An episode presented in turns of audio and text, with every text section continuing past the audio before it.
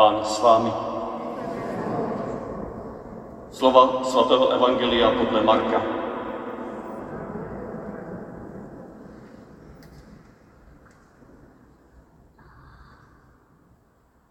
Matky přinášely k Ježíšovi děti, aby jim požehnal. Ale učedníci jim to zakazovali. Když to Ježíš viděl, rozmrzelo ho to a řekl jim, nechte děti přicházet ke mně, nebraňte jim, i takovým patří Boží království. Amen, amen, pravím vám. Kdo nepřijme Boží království jako dítě, vůbec do něho nevejde. Bral je do náručí, kladl na ně ruce a žehnal jim.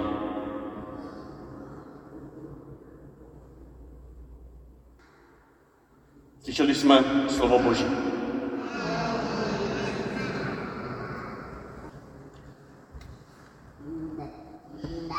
Nespletl jsem se, kluci a děvčata, dámy a pánové, nespletl jsem se ve čtení Evangelia.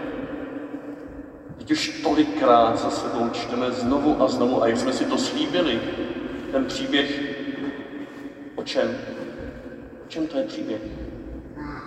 O milosrdném Samaritánovi. A teď najednou něco o nějakých dětech. Ne, nebojte, nepřijdeme o ten příběh. Včera s dětmi jsme byli na výpravě, první podzimní výpravě a prožívali jsme příběh o milosedném Samaritánovi. O milosedné Bárce a milosedném Lukášovi a milosedném Matějovi a milosedném Matyášovi, o milosedném Petříkovi, o milosedné Zuzance, milosrdné Justince, milosrdné Františkovi, Aničce, Teresce a milosrdné Daně a milosrdné Janě a milosrdné jo, Františkovi, velkém Františkovi. Za chvilku vám z toho něco malinko aspoň ukážeme, řekneme, ale já si nemůžu pomoct. Já ten příběh o tom milosrdném Samaritánovi, jak jsme si také promítali včera na faře, vám aspoň připomenu. Můžete zavřít oči a představovat si, co se tam tehdy dělo. Po ulici se hnal chlapík a vypadal, že je náramně spokojený sám se sebou. To mám ale chytrou otázku, říkal sám pro sebe. Na to Ježíše určitě nachytám. Ukáže se, že neví, co říká, když mluví o Bohu. Došel tedy k Ježíšovi a zeptal se, jak se mám chovat, aby se to líbilo Bohu? Ježíš se usmál. Vidím, že se učil ze svatých knih. Co se v nich o tom píše?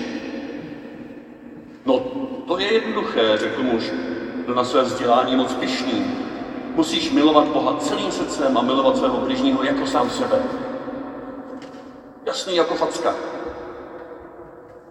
Výborně, pochválil ho Ježíš. Taková je tedy odpověď na tvou otázku. Co máš dělat, aby si měl věčný život? To jasný jako facka. Miluj Boha a miluj bližního. To muže rozlobilo. Stálná otázka mu vůbec nevyšla. Rychle přišel na jinou. No a kdo je teda ten můj bližní?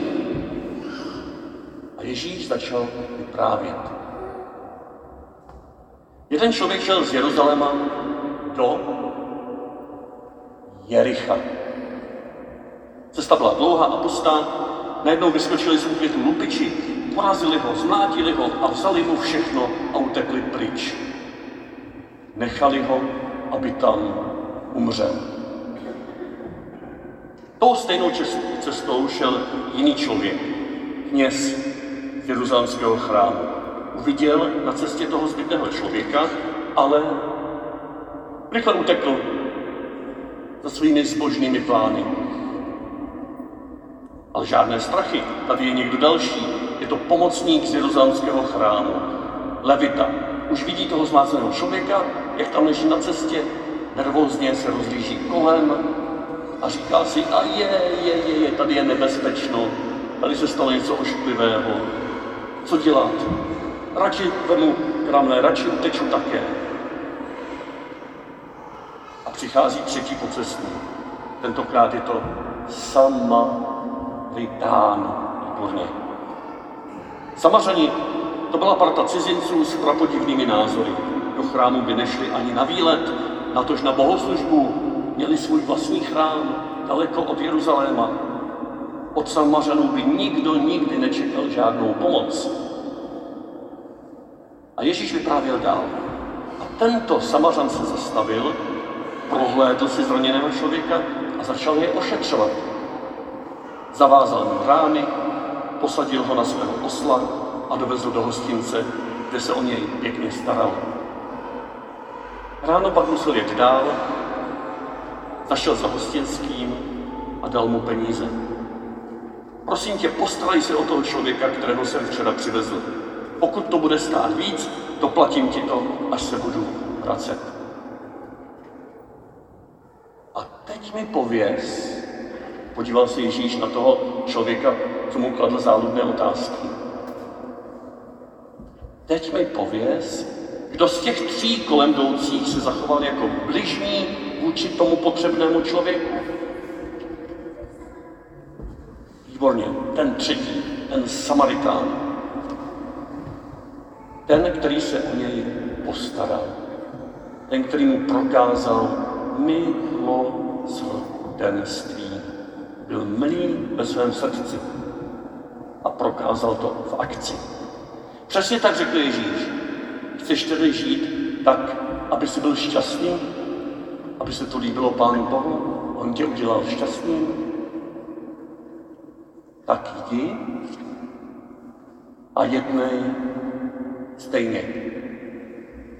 Jdi a jednej také tak. Tak to je starý známý příběh.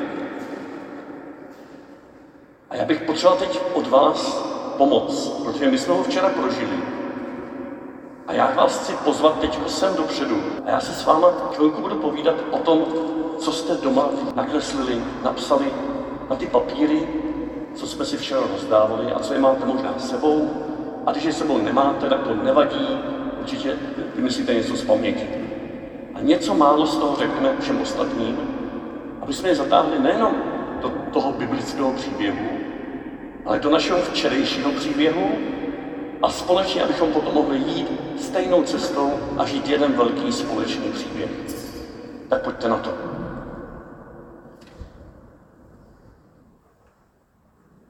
Tak, můžu se ptát Lukáši, co jsi přinesl? Tady má Lukáš krásný kopec namalovaný. A nebo to je vlastně stan, stan na kopci, a proč tam je to jídlo namalované toto? Jsem namaloval, že jsem obdaroval ty lidi bez domova. My jsme nám totiž na kopci našli lidi bez domova, kteří tam stanují a bydlí v bunkrech a v takových divných úkrytech. A děti je obdarovali svojí svačinou. To bylo moc hezký. Děkuju. Co ještě? Chcete někdo něco říct, co jsme prošli včera? Co to máš ty, Aničo? namalovaný jeden ten bunkr, kterého jsme byli u toho eh, pána bezdomova. To je ten pes. A my jsme přinesli i těm jejich psíkům něco k jídlu dobrýho, ty byly moc čas. A mohli bychom si takhle dát povídat, co jsme všechno prožili. Ale teď mi hlavně řekněte, co jsme si říkali, že ten Samaritán dělal co bylo pro něj důležité a co pro nás je také důležité. Všímavost. Za prvé všímavost. Jo? Že si všímáme toho, co se děje kolem. Že si všímáme teď našich dětí tady, že si všímáme těch, co sedí kolem nás v lavici, možná i těch, co sedí za námi, že na ně mrkneme zbytlenecky, když přijdou, pozdravíme je. Všímáme si, a možná si všimneme, že někdo je smutný a pomůže se ho můžeme. Ale to už je ten druhý bod. Co se ho můžeme poučit? Odvaha. Odvážně zeptat. Zeptat se, co mu je, jestli nepotřebuje pomoc. Jo? Takže to druhý bylo odvaha. Všímavost, odvaha.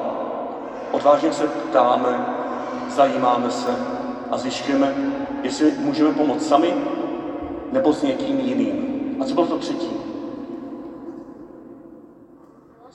Milosrdnost. Milosrdnost, milosrdenství, to bylo to základní, co proniká úplně všechno. Jo? Bez toho by to nešlo. Děkuji, že si to připomněla, Klárko. Milosrdenství to proniká i naši všímavost, i naši odvahu na to, že se ptáme že se zajímáme ještě dál, že přistoupíme blíž, abychom zjistili, co se děje, ale je tam ještě třetí zásada, Láska. Láska, výborně. To proniká úplně taky všechno. To je ta milosrdnost, to je to milosrdenství. Z toho to taky všechno vyplývá. Ale ještě jedno třetí jsme si připomínali. Když někomu nemůžeme pomoct, tak to uh, řekneme někomu jinému. Výborně, to je ono. Bezpečí. Jo, zásada, aby jsme byli sami v bezpečí, aby nám nikdo neublížil. A to se může podařit tím, že to řekneme někomu jinému. Řekneme to dospělákovi nějakému. A s ním společně to potom můžeme zvládnout. On to může potom zjistit, no, nám může ukázat, jak můžeme pomoci. Takže všímavost, odvaha a bezpečí. A to bezpečí zajistíme, že jsme v tom spolu s někým dalším. Že nám v tom pomůže třeba dokonce i nějaká instituce. A teď jsme u toho, co za chvilku chci říct ještě pár slov dospělých. A za chvilku nám zase něco krásného zaspíváte. Takže buďte všímaví, buďte odvážní buďte taky rozumní a spolupracujte na té pomoci s druhými lidmi, abyste byli v bezpečí.